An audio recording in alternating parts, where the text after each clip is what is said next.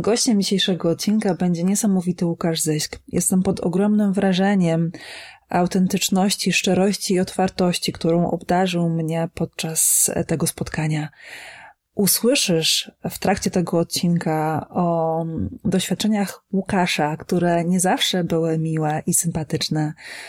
Usłyszysz o trudnej ścieżce stawania się sobą E, Łukasz opowie Ci o nerwicy, depresji, próbie samobójczej, ale też miłości i cudownych osobach, a także o swojej ścieżce zdrowienia. Serdecznie, serdecznie Cię zapraszam do zasłuchania.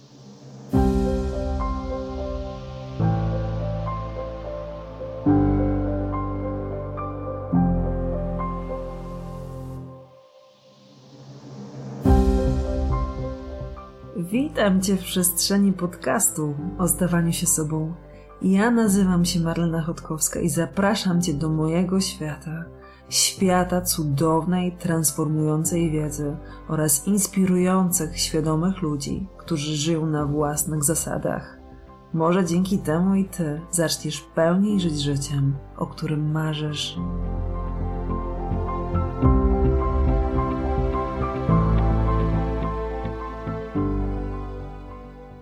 Dzień dobry. Moim i waszym gościem jest Łukasz Zyśk, znany szerszej publiczności jako Projekt 35. Fotograf, których na zdjęciach uwiecznia prawdziwe emocje w swojej czystej, czystej naturze. Jak sam o sobie mówi, fotografuje emocje, których nie da się opisać, śluby nie z tej ziemi i ludzi, ludzi z kosmosu. E, do tej pory e, nieznany e, z takiej osobistej przestrzeni i ścieżki stawania się sobą, ja dzisiaj mam ogromny zaszczyt i przyjemność rozmowy na temat tego, jak, jak wyglądała Łukasza ścieżka, życie i stawanie się sobą. Witam cię serdecznie. Dzień dobry. Po pierwsze, bardzo dziękuję za tak cudowne przedstawienie mnie. E, czuję się ogromnie wzruszony i przyznaję się, że mam ciarki na całym ciele. E, czuję się zaszczycony, mm. mogąc przeprowadzić z Tobą tę rozmowę, w sensie uczestniczyć w tej rozmowie jako Twój gość, e, więc mam nadzieję, że będzie płynąć, że część osób pozna mnie trochę z innej strony niż mogło mnie znać do tej pory, bo tak jak Marlenka powiedziała, dosyć często nie występuję i nie przedstawiam siebie, ale czas to zmienić. Tak, ja tylko znalazłam na twoich social mediach jeden post, który był bardziej osobisty, w którym się przedstawiasz, mówisz ile masz lat, e, czego doświadczyłeś, ale tak naprawdę to była tylko jedna wzmianka, e, takie odkrycie się, taki coming out tego, e, kto stoi po drugiej stronie obiektywu. Tak, to prawda, ale pracuję nad tym. Chciałbym to bardzo zmienić, bo do tej pory uważałem się za osobą bardzo skrytą. W sumie uważałem się kiedyś za niewartościową osobę pokazywania jakby siebie i swojej osobistej przestrzeni do świata. E, w tej chwili, jakby po, po latach doświadczeń różnych, o których będziemy dzisiaj rozmawiać, e, postanawiam pokazać się trochę bardziej. Myślę, że ta rozmowa będzie dla wielu osób inspirująca, mm, da mały zastrzyk energii i małego kopa do tego, że bardzo wiele można w swoim życiu zmienić. Trzeba tylko chcieć, i zainwestować w siebie. I nie mówię tu o pieniądzach, tylko o energii i o podejściu do życia. Mm, dokładnie, dokładnie, dokładnie tak wiesz, no ten podcast ma temu służyć, nie? Żeby pokazywać, że, że można i dawać nadzieję na to, że, że jeśli się bardzo chce, to pojawiają się odpowiednie osoby, odpowiednie okoliczności, odpowiednie zdarzenia i, i to płynie. No dobra, ale zacznijmy od początku. To jest, e, ja nie do końca znam odpowiedź na to pytanie. Powiedz mi, czemu projekt 35? Bo była wolna domena. a, tak, a tak poważnie, jakby e, moje nazwisko Ześk nie jest super medialnym nazwiskiem, szczególnie jeśli trzeba napisać nazwę po, e, w internecie, czyli po polsku bez polskiego znaku, czyli bez e, si, czyli zysk, więc bardziej ta nazwa pasowała do usług e, jakichś bankowych, finansowych i tym podobnych. E, I moja żona, moja Emilia, mój anioł, moje wsparcie w codziennym życiu i we wszystkim, co tworzę, wymyśliła projekt 35 i jako takie połączenie w ogóle rzeczy mm, związanych z fotografią, bo 35 mm to jest moja ulubiona ogniskowa w obiektywie, którą fotografuję. Jest to też synonim w ogóle w fotografii małobrazkowej 35 mm i dokładnie mi y, tyle ma też wielkość matrycy, czyli 35 na 27 mm w aparacie. I tak powstał projekt 35. No i to wolna domena, tak? Bo też sprawdzaliśmy inne nazwy. E, też nie chciałem być kojarzony wtedy, kiedy się zajmow- zaczynałem zajmować fotografią, E, tylko i wyłącznie z fotografią ślubną, ale czas pokazał, że fotografia ślubna, w ogóle fotografia ludzi, e, fotografia emocji i prawdziwych osób, e, nie modeli, tylko prawdziwych osobowości, pokazała, że po prostu nadaje się tylko chyba do fotografowania ludzi, że zachody słońca już trochę mniej mi wychodzą, bo kiedy mam fotografować zachód słońca, wolę schować aparat i po prostu patrzeć na tą chwilę i ją przeżyć. Tak, i jeżeli, drogi słuchaczu, nie znasz jeszcze zdjęć, które wychodzą e, spod oka i palca e, Łukasza, to koniecznie zajrzyj na, e, na Instagram.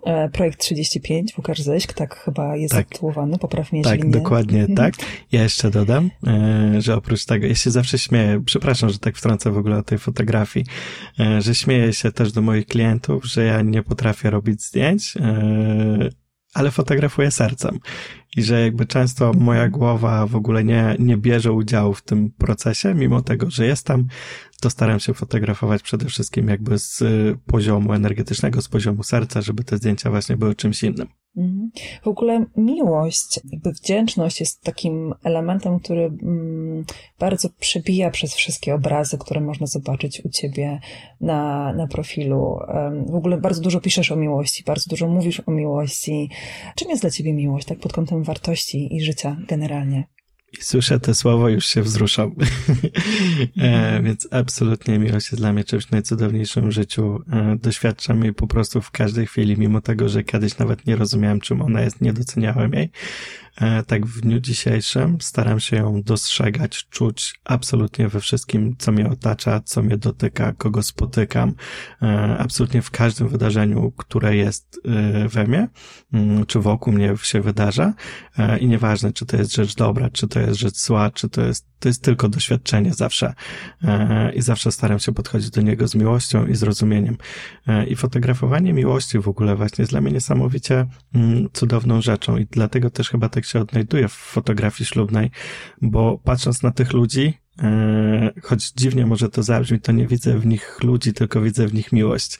E, I też mhm. jakby po latach doświadczeń, po prostu już po pierwszym spotkaniu często wiem, e, co tych ludzi łączy, jak silne to jest, więc uczestniczenie z nimi w tym dniu, jakby doświadczenie tego dnia razem z nimi jest dla mnie absolutnie cudownym doświadczeniem i przyznam szczerze trochę, że ta miłość, mm, stała się trochę moim uzależnieniem, trochę takim moim małym narkotykiem, w sensie takim, że fotografia ślubna często odbywa się przez pół roku, e, może czasem ciut dłużej, e, a później mamy tą chwilę przerwy, tak, na wyciszenie, ten sezon jakby po, po ślubach, mm, czyli sezon zimowy.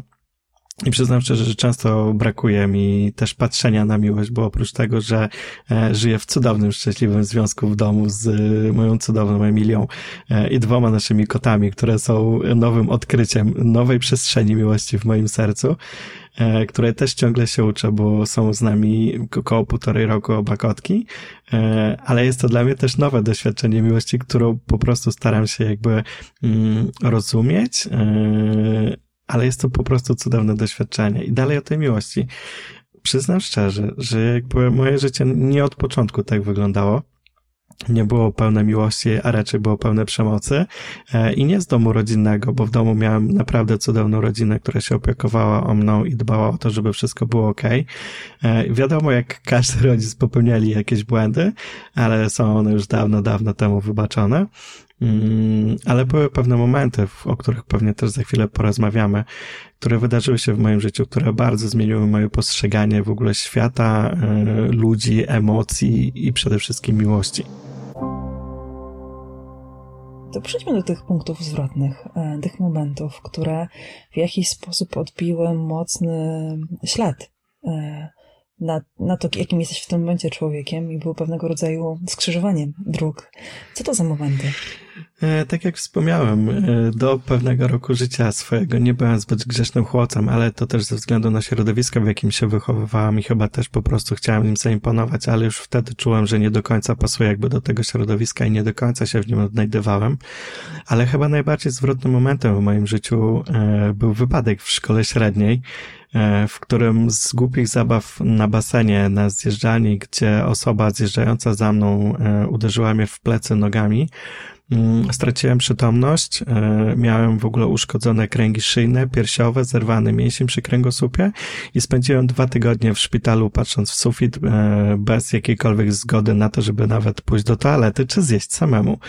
E, to był taki moment, w którym dosyć mocno miałem czas też i przestrzeń na to, żeby pomyśleć o tym wszystkim, co do tej pory wydarzyło się w moim życiu i o tym, jakim byłem człowiekiem. Mm, to był cudowny czas. Jakby na dzień dzisiejszy jestem super wdzięczny w ogóle za, za ten wypadek, bo gdyby nie on, myślę, że mógłbym skończyć gdzie indziej.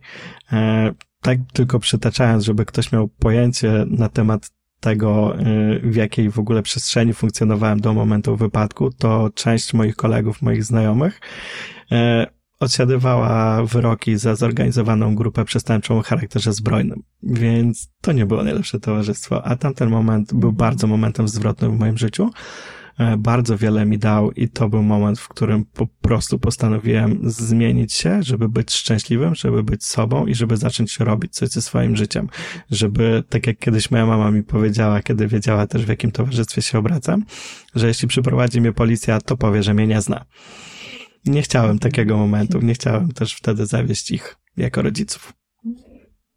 Też wiesz co, domyślam się, że taki moment, kiedy zacząłeś się w takim środowisku i robiłeś takie, a nie inne rzeczy, cytuję, nie do końca byłeś grzecznym chłopcem, mm, to też wyobrażam sobie, że to musiało być trudne, kiedy tak właściwie jesteś całkowicie, zaczynasz być całkowicie zależny od środowiska zewnętrznego, no, bo nie możesz się ruszyć. Tak właściwie potrzebujesz asysty przy każdej takiej podstawowej czynności. Teraz z perspektywy lat mówisz o tym w kategoriach cudownego doświadczenia, ale też no, zakładam, że ono wcale takie cudowne nie było w momencie, kiedy się działo, że to musiała być prawdziwa rewolucja. O, zdecydowanie to była prawdziwa rewolucja. I tak, jakby no ja nie czułem się wtedy wygodnie wygodnie w życiu, w którym byłem, nie czułem się sobą.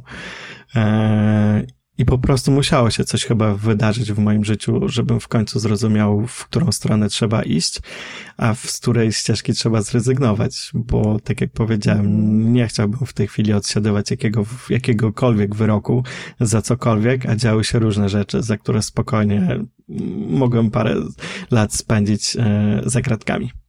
No tak, i dobrze, że to był już taki okres um, nastoletni, nie? Więc w tym, w, tym, w tym kontekście trochę prawo do tego w inny sposób podchodzi. I w, czasem, no tak jest, że niektóre takie wypadki nas bardzo mocno zatrzymują. Jakby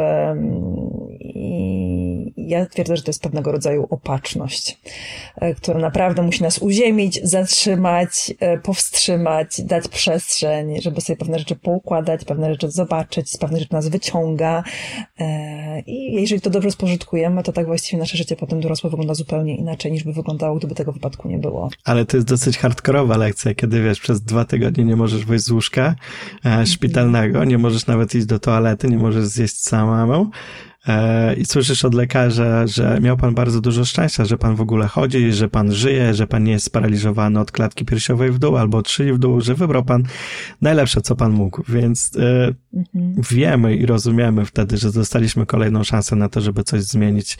I to tylko od nas zależy tak naprawdę, czy wyciągniemy z tego lekcję i rzeczywiście zaczniemy coś robić swoim życiem, czy dalej będziemy próbować udowadniać coś komuś, nie przeżywając swojego życia. Tak. Co było dalej? O, dalej dużo się działo. E, w momencie, w którym też przewartościowałem dosyć mocno swoje życie, chociaż wartość miłości była zawsze dla mnie bardzo cenna, to wtedy zrozumiałem, że miłość jest czymś jeszcze cenniejszym ale niestety nie było dane mi jej doświadczyć, a raczej było mi dane ją doświadczać, tylko nie w najfajniejszy sposób. W sensie e, nie chcę za bardzo wypowiadać się na temat swoich byłych dziewczyn, ale nie każda miłość była z happy endem, nie każda kończyła się ślubem, dziećmi i tak dalej. Ale tak, y, był taki moment, w którym też zrozumiałem, że nie do końca też pasuje do tych ludzi. Po raz kolejny, jakby do, doświadczenie takie lekcji, e, że nie pasuje do tych ludzi, którymi się otaczam. I był w ogóle w moim życiu taki moment, który jak człowiek rozumie, że, czy rozumie, mm, moment w życiu, w którym wiesz, że nie pasujesz do wszystkiego, co jest dookoła nic nie jest tak, jak powinno być. E, wierzysz w to, że miłość jest rzeczą najważniejszą, a nie jesteś w stanie jej doświadczyć od drugiego człowieka. Nie widzisz jej w sobie, bo przede wszystkim trzeba pokochać siebie, żeby pokochać też inną osobę. I nie, nie czujesz jej w sobie, mimo tego, że wiesz, że to jest najważniejsze uczucie w twoim życiu. Pojawia się pustka. Mm, pustka, która była najgorszym doświadczeniem w moim życiu gorszym doświadczeniem niż wizyta w szpitalu i patrzeniem w sufit. E, te uczucie pustki, nieposiadania niczego, nie mówię tu o rzeczach materialnych, tylko o rzeczach takich wyższych. E, przyszedł moment, który był dla mnie bardzo trudnym momentem mm, i chciałbym tutaj powiedzieć o swojej próbie samobójczej, który był kolejnym bardzo zwrotnym momentem mojego życia. Jak widać, próba się nie powiodła, e, ale. Całe szczęście. Ale wiem, że na dzień dzisiejszy to było doświadczenie, którego bardzo potrzebowałem. I jakkolwiek to dziwnie brzmi, na dzień dzisiejszy jestem po raz kolejny niesamowicie wdzięczny za tak trudne doświadczenie, e, które ostatnio przepracowywaliśmy z Marlenką jeszcze głębiej i zrozumienie tego w ogóle. Mm, hmm, bo jak opowiedzieć o momencie, w którym macie ochotę pozbyć się swojego życia, a przepracowujecie go z psychologiem i płaczecie ze szczęścia, że to się wydarzyło, że jesteście wdzięczni za ten moment, bo wiecie, że to był kamień milowy, to, to nie był skok nawet taki, wiecie, jak skacze się w dal, tylko skok kwantowy w waszym życiu, który zmienia totalnie zasady gry, w których jesteście. E, więc jak nie można być wdzięcznym za takie doświadczenie? Mhm. E, zrozumiałem to po latach. Mm, jak cudowne to było doświadczenie, że zrozumiałem, że coś we mnie wtedy umarło, ale jednocześnie coś się narodziło.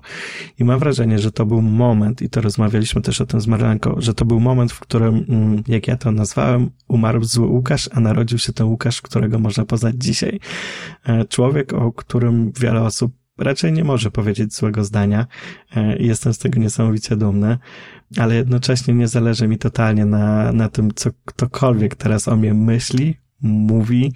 E, najważniejsze, najważniejszym uczuciem jest dla mnie miłość, najważniejszą osobą jest dla mnie osoba w postaci mojej Emilii, która jest obok, a moje życie wtedy totalnie się zmieniło. Zmieniło się do tego stopnia, że docenianie każdej chwili stało się przeogromną przyjemnością. To nawet wiecie, jakby zamknięcie oczu i poczucie wdechu swojego i wydechu stało się doświadczeniem wręcz takim hmm, duchowym wtedy już, e, choć o duchowości jeszcze wtedy niewiele wiedziałem. Coś tam kiedyś słyszałem, ale niewiele wiedziałem. I to był moment taki niesamowicie zwrotny w moim życiu, który dał mi kopa do tego, żeby się zmieniać w swoim życiu. Mm, no i później Poczekaj, przytrzymam cię chwilkę. Gdybyś mógł jeszcze to określić, co takiego się dzieje na poziomie wewnętrznym, wiesz, bo to jest, to jest bardzo, bardzo ważne. Chciałam, żeby to wybrzmiało. Co takiego się dzieje w głowie? Co takiego się dzieje w świadomości, w przeżyciach? Mm, że jesteśmy w takim miejscu, gdzie mamy ochotę odebrać sobie życie. Chodzi mi tu, wiesz, bo to jest, tak naprawdę to jest krótka chwila wbrew pozorom, ale ona jest bardzo charakterystyczna. E, możesz więcej? Jest bardzo charakterystyczna ta chwila, bo jakby można ją podzielić na, na to przed i na to po. I ja się śmieję, że na to przed śmiercią i na to po śmierci, e, do której nie doszło, ale coś umarło. I w momencie przed ilość myśli, smutku, złości, nienawiści do świata, do ludzi, do wszystkiego, do chwili była tak ogromna, że wydawało mi się, że to jest jedyne wyjście. I moment po, mhm. gdzie pojawiła się cisza i spokój. Mhm. Jakby to wszystko, co się działo w tej głowie, nagle umarło. I pojawiła się cisza. Tak. Piękna, cudowna, niesamowita. Pamiętam, że wtedy większość dnia spędziłem pod biurkiem swoim płacząc e, ale wiedziałem, że wydarzyło się coś niesamowicie ważnego, coś absolutnie cudownego. I choć wtedy jakby dalej patrzyłem tylko z perspektywy takiego doświadczenia fizycznego mm, na to wszystko, e, tak dzisiaj patrzę na, na to wszystko z poziomu energetycznego. I naprawdę to, co wtedy się wydarzyło, to, to nawet nie wiem, jak to nazwać. to był jakby wybuch bomby atomowej, która zmiotła wszystko złe, co było i pojawiło się coś nowego, jakby nowe życie, nowy ja i nowe perspektywy na wszystko, co mogło być później. Czy czułeś w tym jakąś, jakiś rodzaj opatrzności, opieki? Czy miałeś jakiegoś dobrego ducha wokół, się, wokół ciebie? Czy coś się takiego wydarzyło, co właśnie uniemożliwiło ci skuteczne działanie w tamtym momencie? Całe szczęście uniemożliwiło ci skuteczne działanie w tamtym momencie? Zadzwonił telefon od osoby, od której totalnie nie spodziewałem się telefonu, ale nie odebrałem go wtedy. Też nie miałem siły na to, żeby rozmawiać o czymkolwiek. Yy, ale to też wydaje mi się, że był znak do tego, że nie rób tego, tak? Że to nie, jakby, że życie jest zbyt cudowne. Mamy je tylko jedno i absolutnie jest to najcudowniejszy dar, jaki możemy dostać.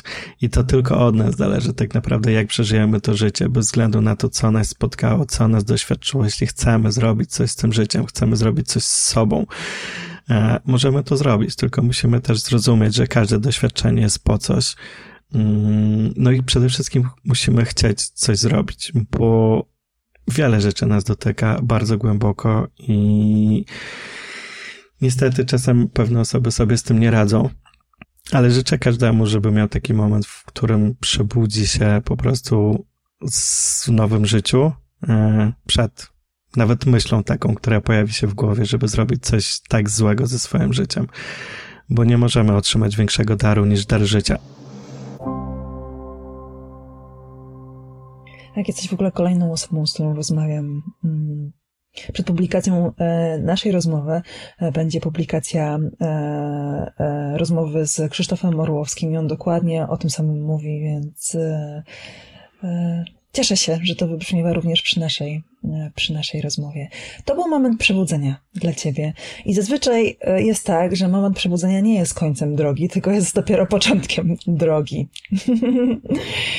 Dokładnie. Co dalej? Dokładnie tak. To jest początek drogi, początek znaków. Um, to był moment, w którym ja jeszcze tak wywodzę się z katolickiej rodziny wierzącej, e, ale hmm, jak, do, jak, do, jak masz takie doświadczenie, to ja miałem wrażenie, że właśnie jakby świat się rozszerzył o nie to tylko, o czym byłem uczony do tej pory, ale o, o pewne pola, które są poza tym. E, I zaczęły dziać się różne takie fajne rzeczy, w których ja jeszcze wtedy nie rozumiałem, nie dostrzegałem, e, bo zaczęły pojawiać się pierwsze osoby, bo między innymi trenując sztuki walki słyszałem e, historie o spotkaniach w poprzednich wcieleniach i tak dalej i że ludzie spotykali się na ulicy, nagle o siema, my, my już się znamy i później do, dochodziło do tego, że nagle znali się z poprzedniego wcielenia i dla mnie to brzmiało jak jedna wielka bajka, ale zasiało też jakieś ziarenko w mojej głowie do tego, że hmm, może coś więcej rzeczywiście jest. E, też trenując sztuki walki uczyłem się medytacji, więc to też był pierwszy taki krok, kolejny, pierwszy, kolejny krok e, do tego, żeby doświadczyć pewnych innych doznań swojego ciała, swojego oddechu, świadomości swojego oddechu, e, świadomości swojej energii, swojego chi. Mm, to też było cudowne doświadczenie. No i później przez parę dobrych lat nie miałem żadnego doświadczenia z tym, bo też zrezygnowałem ze sztuk walk. E, moje życie po prostu się toczyło, szuk, odszu, próbowałem odszukać siebie, e, swojej ścieżki życiowej, e, do momentu, w którym hmm, pojawiła się miłość. E, miłość, mhm, która od prawie miłość. 13 lat e, jest przy mnie, a czuję się wciąż, jakby to minął jeden dzień i że to jest wciąż ten etap zauroczenia takiego, że wciąż są te motylki w brzuszku i to jest absolutnie najcudowniejsza rzecz, która mnie spotkała w życiu i życzę tego absolutnie każdemu, żeby taką miłość przeżył wtedy właśnie pojawiła się Emilia. Jakby nasza historia też jest w ogóle bardzo zabawna, bo miałem być fotografem na ślubie Emilii. Mm, my po jakimś mm, ponad pół roku, czy prawie roku, zaczęliśmy się spotykać, ale jako kolega i koleżanka, tylko i wyłącznie dlatego, że fajnie nam się rozmawiało. E, I kiedy się spotykaliśmy na rozmowach, okazywało się, że nagle jest świt, a my dalej rozmawiamy, dalej nie kończą nam się tematy. E, no i tak trwamy sobie w tych rozmowach przez 13 lat już. E, od 2018 roku jesteśmy małżeństwem.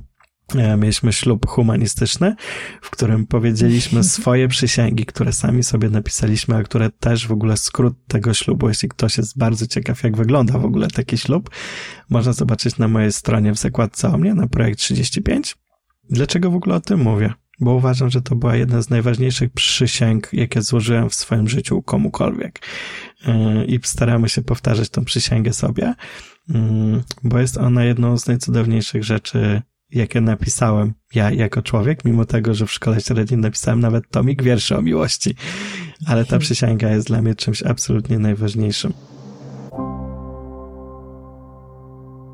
W momencie, w którym pojawiła się też ta najważniejsza rzecz, która była dla mnie absolutnie najcenniejszą rzeczą, czyli miłość i druga osoba, która wspierała mnie we wszystkim, która mnie rozumiała, z którą rozmawialiśmy przez setki godzin. E, pojawił się moment w moim życiu, w którym ktoś głośno powiedział, że zrobi wszystko, żeby mnie zniszczyć. I dziś uważam, że było to pewne zaklęcie, pewna klątwa rzucona w moją stronę e, z taką energią, z taką siłą, że moim życiu pojawiły się dwa nie, dwaj nieproszeni goście, nazywani depresją i nerwicą. Ta choroba wybuchła w ogóle z taką siłą, że ja przez prawie dwa tygodnie, znowu dwa tygodnie, nie byłem w stanie praktycznie wyjść z łóżka. Wyjście do toalety było dla mnie jak wejście na Kilimanjaro. Powtórzyła się jakby sytuacja ze szpitala, tak, e, że znowu musiałem leżeć w łóżku, znowu nie mogłem się ruszyć, ta choroba po prostu wyniszczała mnie. Pamiętam też dzień, w którym prosiłem Emilkę, bo już mieszkaliśmy wtedy razem. Poprosiłem ją, żeby odeszła ode mnie, żeby mnie zostawiła, żeby nie patrzyła na to, jakie się męczę. E, też w mojej głowie po raz kolejny pojawiły się myśli o tym, żeby odebrać sobie życie, ale wiedziałem, że nie mogę zostawić ludzi, którzy są wokół mnie, którzy mnie kochają z takim ciężarem. I Emilka była dla mnie niesamowitym wsparciem i do dziś po prostu nie zapomnę, e, jak powiedziała mi, że w domu starała się być bardzo silna, starała się pokazywać, że to jej nie dotyka, żeby dawać mi siłę, żeby zobaczyć, żebym ja zobaczył, że można być silnym. E, a później przyznała mi się, że wychodząc z domu płakała jak dziecko, ale powiedziała, że przyjmie musiała być silna. I widząc osobę, której tak bardzo na was zależy, która tak was kocha, wiecie, że musicie zrobić wszystko, absolutnie wszystko, żeby nie tylko naprawić swoje życie, ale naprawić wasze życie, żeby stało się absolutnie najcudowniejszą przygodą, najcudowniejszym doświadczeniem, najcudowniejszą bajką, jaką sobie możecie wymarzyć. E, I to był drugi moment taki bardzo zwrotny w moim życiu, w którym postanowiłem zrobić absolutnie wszystko, żeby zmienić totalnie swoje życie żeby je naprawić, żeby pozbyć się choroby, żeby dać jej bezpieczeństwo, żeby ona też nigdy już nie doświadczyła tego strachu przed moim odejściem też. E, I to był taki moment super, super zwrotny, w którym postanowiłem szukać wszystkiego, co się da. I jakby pierwszym krokiem w poszukiwaniach było w ogóle znalezienie warsztatów z medytacji i oddechu na które pojechałem i te warsztaty były super, poznałem przecudownych ludzi, po prostu do dzisiaj mamy kontakt. Ale dowiedziałem się jeszcze o jednej rzeczy, która istniała, a, a która też mnie mocno zawołała. To była ceremonia ayahuaski. Poczekaj, poczekaj, poczekaj, zatrzymam cię na chwilkę, e, dlatego, e, że wspomniałaś w tym momencie o warsztatach z medytacji, wspomniałaś o ceremonii z ayahuaską. E, czy to był w ogóle taki pierwszy moment twojego mm, świadomego wzrostu, czy wcześniej już korzystałeś na przykład z jakiegoś rodzaju terapii, wsparcia, no innych narzędzi, które pomagają ludziom tak właściwie wyjść z jakiejś trudnej emocjonalnej, trudnej, trudnej emocjonalnie sytuacji? E, tak, zaraz po momencie, w którym dopadła mnie depresja i nerwica. Poszedłem na wizytę do, najpierw do psychiatry, e, prosząc o jakąkolwiek pomoc, żeby po prostu też ustabilizować jakoś swójkolwiek organizm, bo e, osoby, które nie mają doświadczenia z, w ogóle z depresją i nerwicą, mogą nie wiedzieć o tym, że ona robi po prostu niesamowite rzeczy z naszym ciałem, bo ja y, wymiotowałem kilkanaście, kilkadziesiąt razy dziennie, E, miałem uderzenia ciepła, zimna, zimne poty, w ogóle drżało całe moje ciało. Ja nie jest, byłem w stanie zapanować nad tym, jak oddycham. E, łapałem się na hiperwentylacji. E, to po prostu, co się działo, było dla mnie tak dziwne, co się dzieje z moim ciałem, a najgorsze było to, że nie byłem w stanie nad tym zapanować. Mm, więc udałem się do psychiatry, dostałem pierwsze leki, które nie były super wyjściem na dzień dzisiejszy, uważam, ale też pomogły mi przetrwać ten pierwszy, najgorszy moment. Mm, udałem się do psychologa, e, nawet nie jednego, a kilku. E, w ogóle moja terapia, zanim e, trafiłem na ceremonię ayahuaski, trwała prawie 6 lat. Do tej pory uzależniłem się od leków, które przyjmowałem od psychiatry i było mi bardzo ciężko je odstawić, e, choć prób było bardzo wiele, bo też czułem, że jestem wybrany z tego, co jest dla mnie najważniejsze, czyli z emocji, uczuć i poczucia miłości, e, co dla mnie było bardzo dotkliwym doświadczeniem. Tak, bo to przy, przy, pracy z, przy pracy, przy terapii takiej farmakologicznej, to, co jest charakterystyczne, to to, że nie tylko jakby ograniczamy czucie tego, co jest dla nas awersyjne i nieprzyjemne, ale generalnie ograniczamy czucie.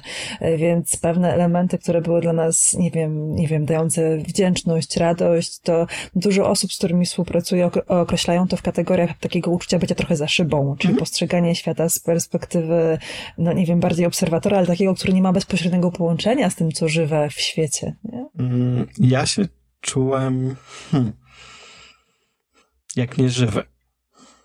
To jest dobre chyba mhm. określenie, bo jeśli nie czujesz nic w sobie, to nie czujesz życia. Wiesz, że jesteś, wiesz, że jesz, że oddychasz, że pijesz, a jednocześnie nie żyjesz.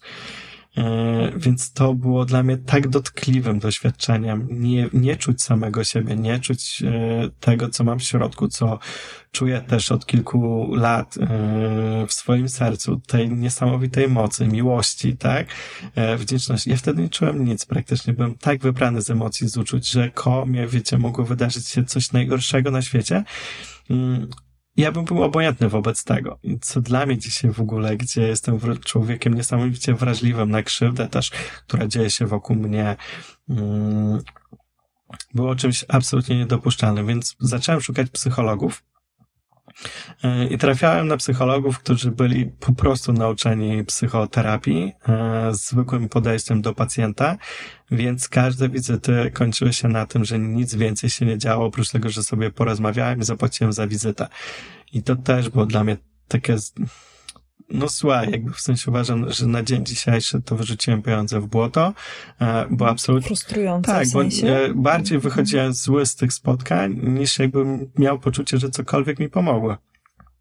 Bo, bo jeśli po raz kolejny, na po raz to kolejnym spotkaniu pamiętam e, dokładnie to ćwiczenie zejścia do piwnicy e, i rozglądania się po piwnicy i ile razy mogłem to robić i czułem, że to nie prowadzi absolutnie do niczego i nie wiem, może są osoby, którym absolutnie taka psychoterapia pomaga. E, to ja, e, człowiek, który ma podejście bardziej e, energetyczne, bardziej duchowe do, do życia, mm, dla mnie to było totalnie jakby niepomagające. E, przeszedłem przez naprawdę kilku psychologów i za każdym razem było to samo. E, dopiero później dowiedziałem się o roślinach, e, które mogą też pomóc nam trochę w podróży w głąb siebie. I to był też moment, w którym powiedziałem do mojej Emilii, że albo to, albo chyba już nic, bo ile można próbować, ile można się starać.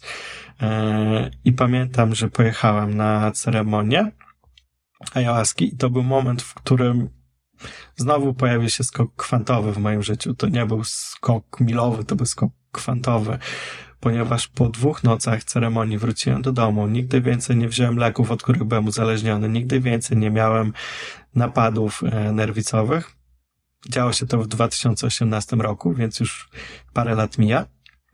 Mm, no i bardzo mocno też przewartościowało się moje życie i spojrzenie w ogóle po raz kolejny na nowo na świat, który nas otacza, zrozumienie tego, e, jak wszystko i wszyscy jesteśmy połączeni. E, no i od pewnego czasu pracuję z panią, którą muszę tu zareklamować, z panią Marleną Chodkowską, z którą rozmawiamy. O, już paniujesz, paniujesz. E, która też, bo o ile ceremonia była super, tak wiem, że zabrakło tam jednego elementu, integracji po. E, więc po tylu latach od ceremonii integrujemy teraz to wszystko z Marlenką e, od, po, od momentu, z którym też pracujemy z Marleną, e, no ja to nazywam kolejnymi małymi cudami w moim życiu i też moja żona się śmieje, że po każdej, po każdym naszym spotkaniu ona ma nowego męża i że będzie robić wszystko, żeby mógł do ciebie chodzić. No, ale... Tak, tak to jest, kiedy, kiedy wracamy do siebie tego, co, e, co rdzenne. Ja to jeszcze tak, jako taki e, racjonalny duch się odezwę, że w tym momencie mm, nie namawiamy i nie zniechęcamy do jakiejkolwiek pracy czy nie pracy z roślinnymi nauczycielami. To jest tylko świadectwo mm, tym razem, Łukasz, Twoich doświadczeń, ale ja również takie doświadczenia e, mam. E, więc tak tylko napomknę, e, bo to, to, to jest ważne. Mhm. Tak, w ogóle z ciekawostek takich e, najzabawniejsze było to, że ja nie miałem doświadczenia z, z żadnymi roślinami, oprócz e, takimi, które są w Polsce zabronione do palenia, a które według mnie powinny być już dozwolone, przynajmniej w tych czasach, bo każdy ma prawo decydować o tym, co chce spożywać, o ile nie jest to szkodliwe bardzo mocno. E, ale ja się bardzo bałem w ogóle doświadczenia z roślinami, e, z ayahuaską. E, byłem wręcz przerażony w momencie, w którym jechałem na ceremonię, ale działo się tyle rzeczy dookoła, które jakby wzywały mnie na ceremonię, że mhm. Dla mnie to było aż zabawne, bo po raz kolejny, nie wiem, włączam telewizor, widzę rozmowę w jakiejś śniadaniówce o ayahuasce. Odpalam internet, widzę o jakiś artykuł o ayahuasce. Odpalam sobie Spotify, muzykę. Lubię czasem posłuchać hip-hopu i słyszę, że ktoś śpiewa o ayahuasce. Mówię, po prostu z każdej strony jest ayahuasca i że mnie woła. I w ogóle zadzwoniłem do tej mojej szamanki i mówię, że co się dzieje, bo po prostu z każdej strony mnie wzywa. I ona mówi, Łukasz, dostajesz zaproszenie. Od ciebie tylko zależy. Od twojego wewnętrznego tak, czy przyjedziesz, czy nie.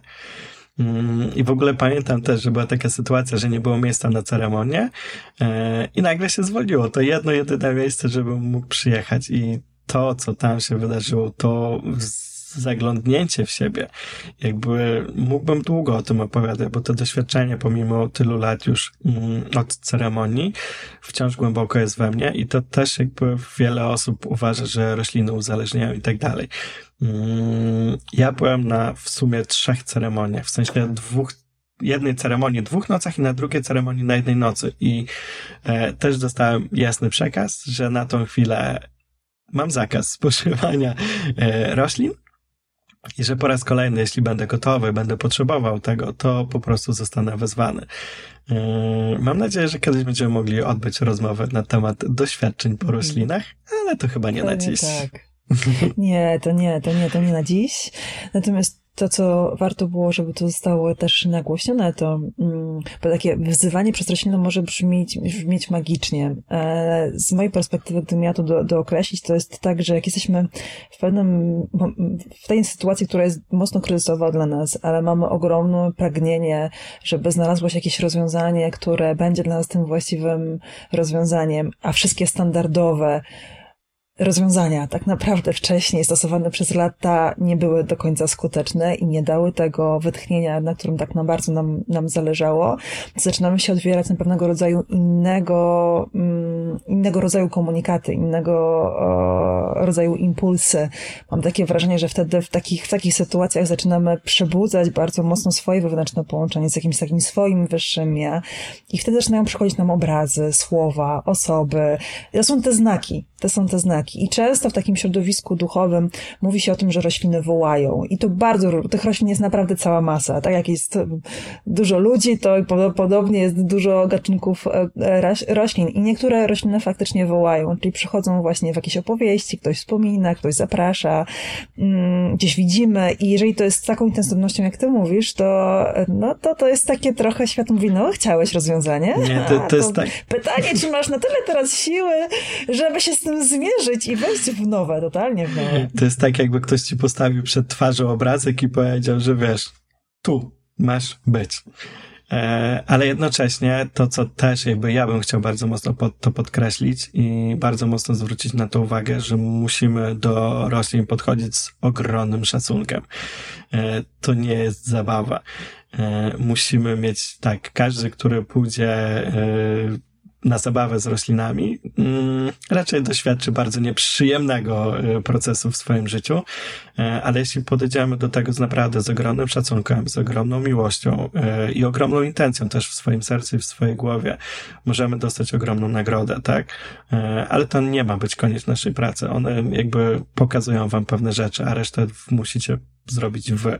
I jeśli ktoś myśli o tym, żeby po prostu sobie spróbować w domu, mm, a jest sporo roślin nawet w Polsce legalnie dostępnych, absolutnie odradzam i chcę to głośno powiedzieć, żeby to było absolutnie zrozumiałe, że podchodzimy do tego z absolutnym szacunkiem, bo jeśli nie będziemy szanować matki natury, no to za przeproszeniem skopia nam cztery litery i to będzie bardziej traumatyczne doświadczenie niż doświadczenie. Bez najmniejszych skrupułów. Tak, i to będzie doświadczenie traumatyczne, a nie doświadczenie uwalniające, tak jak w moim przypadku, tak.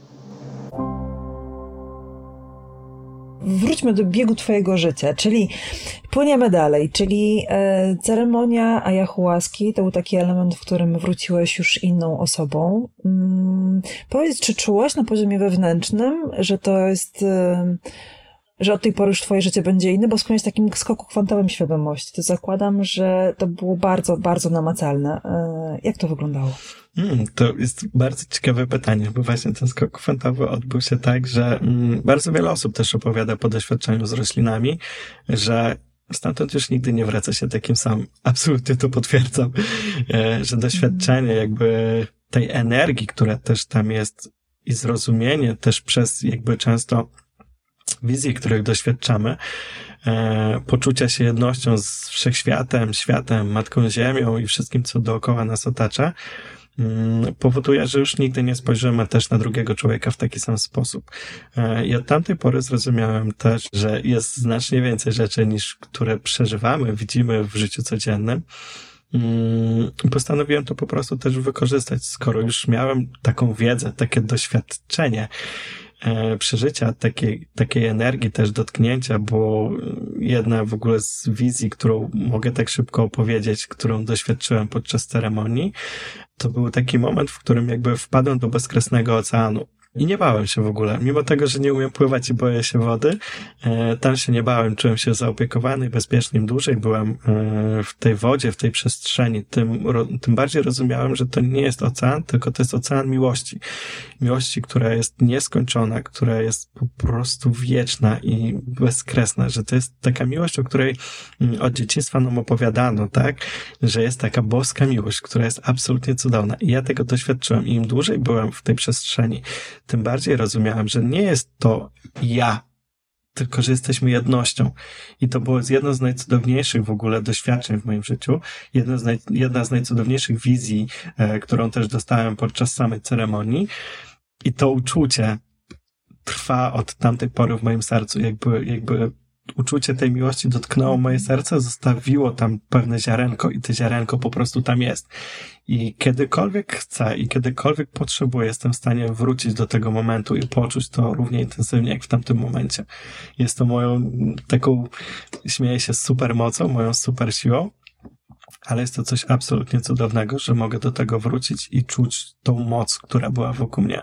I czuć, że to nie jest coś oddzielnego ode mnie, tylko że to jest część mnie to jest, bo jedno jest o tym wiedzieć, bo każdy mówi, jesteśmy miłością, jesteśmy jednością, wiesz, jakby, natomiast jeżeli nie jest, nie umieszczasz w tym prawdziwego, realnego odczucia i doświadczenia, to są tylko i wyłącznie puste słowa. A w momencie, kiedy staje się to twoją częścią doświadczenia i wiesz, tak właściwie czujesz, tak całym swoim ciałem, czym to jest w swojej takiej prawdzie, to wtedy to całkowicie zmienia perspektywę patrzenia na wiele rzeczy, ale też zmienia perspektywę reakcji na różne rzeczy. I no, to jest bardzo mocny wewnętrzny e, format. Po takim doświadczeniu nie jest się już absolutnie tą, tą samą osobą. Ja również mam w innym trochę kontekście, ale doświadczenie z tego, z tego zakresu i to też był niesamowity katalizator zmian dla mnie w moim życiu. Tak, i dlatego też ciągle mówię o tej miłości, e, ciągle piszę o tej miłości, mm. ciągle staram się żyć tą miłością, bo do jakby przeżycie tego pokazało mi, że to jest absolutnie najcudowniejsza, najczystsza taka rzecz też, że nie ma za tym żadnego ego, nie ma nic, jest po prostu miłość w najczystszej, w najpiękniejszej, najcudowniejszej formie, jaka może być. I staram się to też przenosić na swoje życie, na ludzi, których mam dookoła, na których patrzę codziennie. Mm, więc też jakby wiecie, z poziomu nie wiem, na, na kogokolwiek, kto przyjdzie wam do głowy, czy mogą być to wasi rodzice, czy osoby, które was skrzywdziły. Jeśli spojrzycie z perspektywy miłości na tego człowieka, ale takiej prawdziwej miłości, która jest w was i którą nosi każdy z was. Tylko niektórzy po prostu jeszcze tego nie dostrzegają, ale mam nadzieję, że w procesie swoim zmian po prostu zaczną to dostrzegać. E, będziecie w stanie wybaczyć tym ludziom absolutnie wszystko i nie będziecie w stanie nawet się złościć. Jedyne co zrobicie, to usuniecie tych ludzi ze swojego życia, żeby po prostu wam nim nie mącili, ale jednocześnie dalej będziecie ich kochać. Postawić granice trzeba, tak czy siak. Tak. Mhm.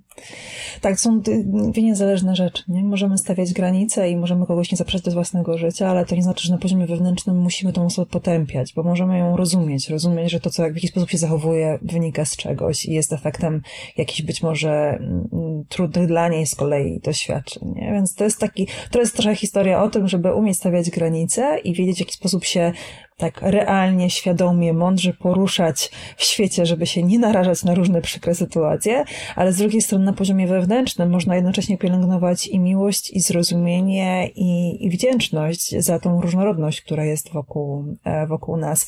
I na poziomie wewnętrznym e, wyzwolić się od nienawiści i potępienia tego, co zewnętrzne. A w momencie, w którym zaczynamy czuć w sobie takie rzeczy, pojawia się drugie hasło, które kocham, które cenię i które szanuję w swoim życiu, to za tą miłością jest cisza i spokój. Przede wszystkim ta cisza. I nie mówię o ciszy w postaci wyłączenia telewizora, yy, Spotify'a czy cokolwiek innego, co jest wokół nas, ale takiej ciszy, która towarzyszy miłości, yy, czyli taki spokój, że cokolwiek się nie dzieje w waszym życiu, wiecie po prostu, że ta cisza jest czymś takim waszym bezpiecznym azylem, w którym jeśli będziecie, e, do którego wrócicie, które zrozumiecie, pokochacie i będziecie starać się wrócić podczas medytacji, czy nawet podczas po prostego siedzenia w fotelu i głębokiego oddechu, jakby wewnętrznego powrotu do siebie, e, nagle wszystko, co złe wokół was zaczyna mieć dużo mniejsze znaczenie. W sensie przestajecie się trochę tego bać, e, zaczynacie to obserwować z boku, patrzynacie, zaczynacie patrzeć na to mm, z zupełnie innej perspektywy. E, i nagle rozumiecie, że ten tygrys, który chciał was zaatakować, wcale nie jest taki zły, że może to jest jednak taki kotek, którego można pogłaskać i przytulić i powiedzieć, jak bardzo go kochacie. E, i to wtedy działa też niesamowite cuda w waszym życiu i wszystko dookoła dookoła zaczyna się bardzo mocno zmieniać i zaczynacie rozumieć, że pożary, które były w waszym życiu wcale nie były aż tak wielkimi pożarami. Zaczynacie to też postrzegać jakby z, z pozycji doświadczenia, że wszystko, co po prostu spotyka was w życiu jest pewnym doświadczeniem i to tylko zależne jest od was, w jaki sposób to ocenicie, czy to jest dobre, czy to jest złe, e, czy to was podniesie wyżej, żebyście byli kimś lepszym e, i w przyszłości też zupełnie inaczej spojrzeli na swoje życie, czy też na takie problemy, mm, bo ludzie czasem mają dużo większe problemy niż my myślimy, że nasz problem jest w tym momencie. E, więc zdecydowanie jakby polecam medytację, oddychanie, świadome oddychanie i kotwiczenie się w samym sobie chociażby na chwilę dziennie, w tym pędzie, który jest wokół nas, żeby się na chwilę zatrzymać. I zobaczycie, że im więcej będziecie znajdować przestrzeni w sobie, tej ciszy i miłości w sobie, tym bardziej będzie to emanować na ludzi, których macie wokół.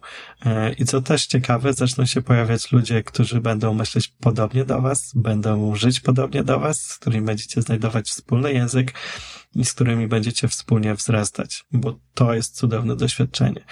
Bo mm, choć może nie zabrzmi to super dobrze, ale uważam, że rodziną są ludzie, których w życiu spotykamy, którzy są tacy jak my, a nie tylko rodzina, którą mamy taką na co dzień, mama, tata, siostra i tak dalej, bo czasem możemy mieć bliższe relacje z osobami, które poznaliśmy tydzień temu i możemy nas więcej łączyć e, niż chociażby właśnie z jakąś siostrą, bratem i to jest też super ważne.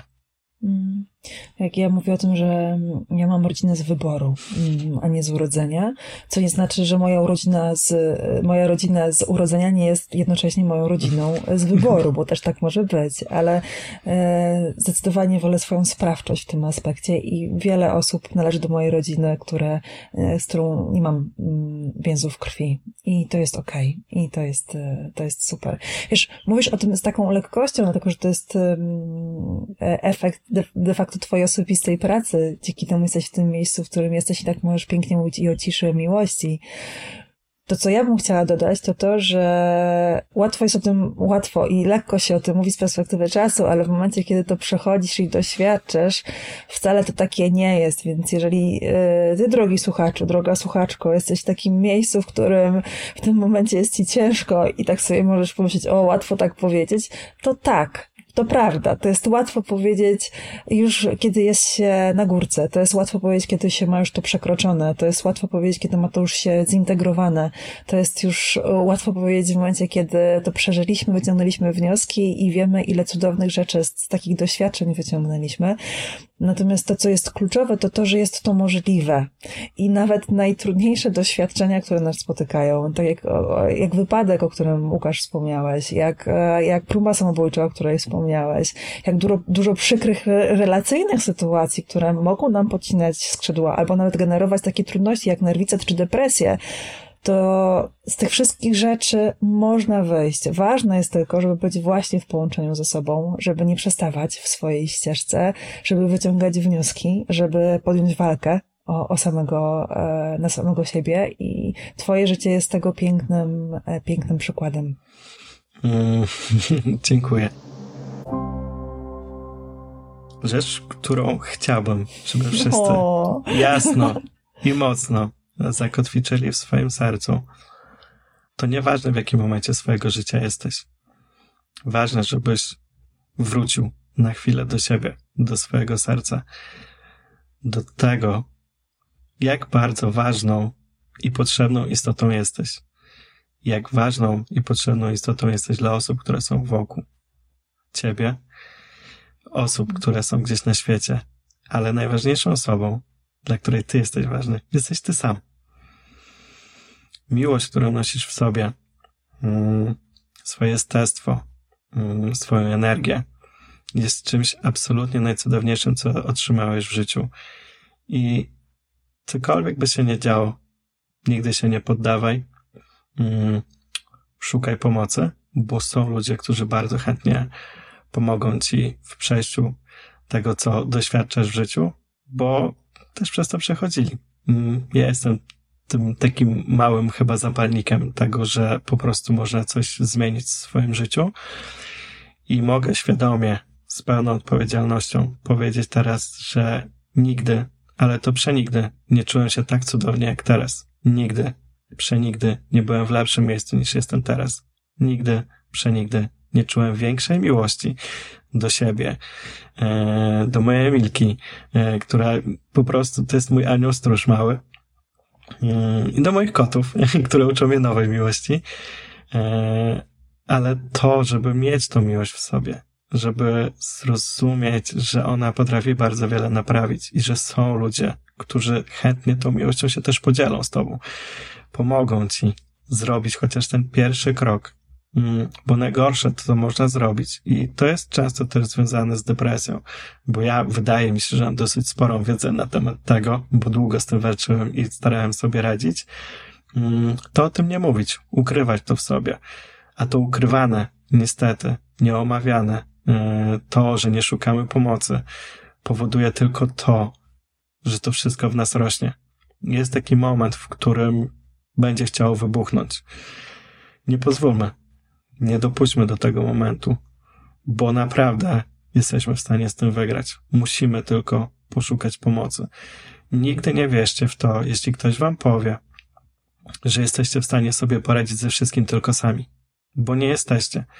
Bo wiem, jak działają myśli podczas nerwicy, kiedy mała myśl zaczyna, to jest taki efekt kuli śniegowej w momencie, w którym pojawia się jedna zła myśl, generuje 10 innych złotych, złotych, złych myśli mm, i przestajemy dostrzegać wszystko dobre, co się dzieje dookoła. A tego dobrego jest tyle, że w momencie życia, w którym ja jestem, jestem w stanie cieszyć się z wyjścia gołymi stopami na trawę, z, z głupiego spaceru po lesie, e, dotknięcia drzewa i zrozumienia, że to wszystko to jesteśmy my.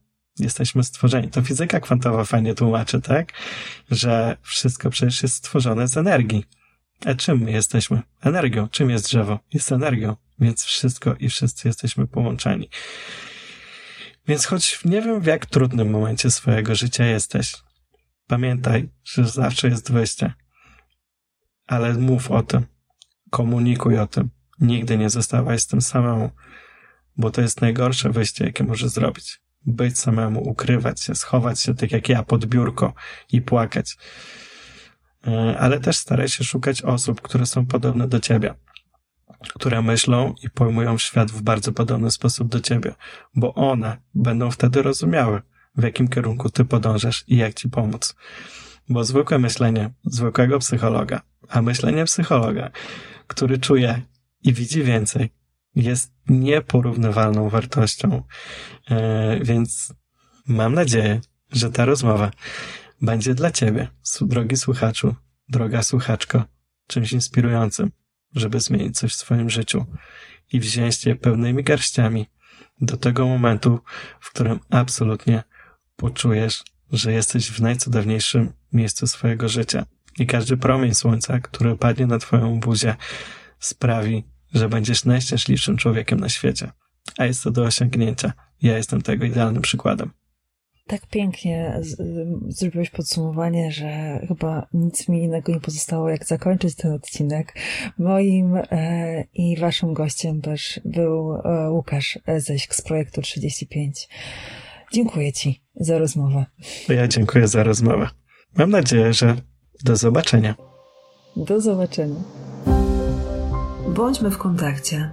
Możesz mnie znaleźć na stronie marlenachotkowska.pl.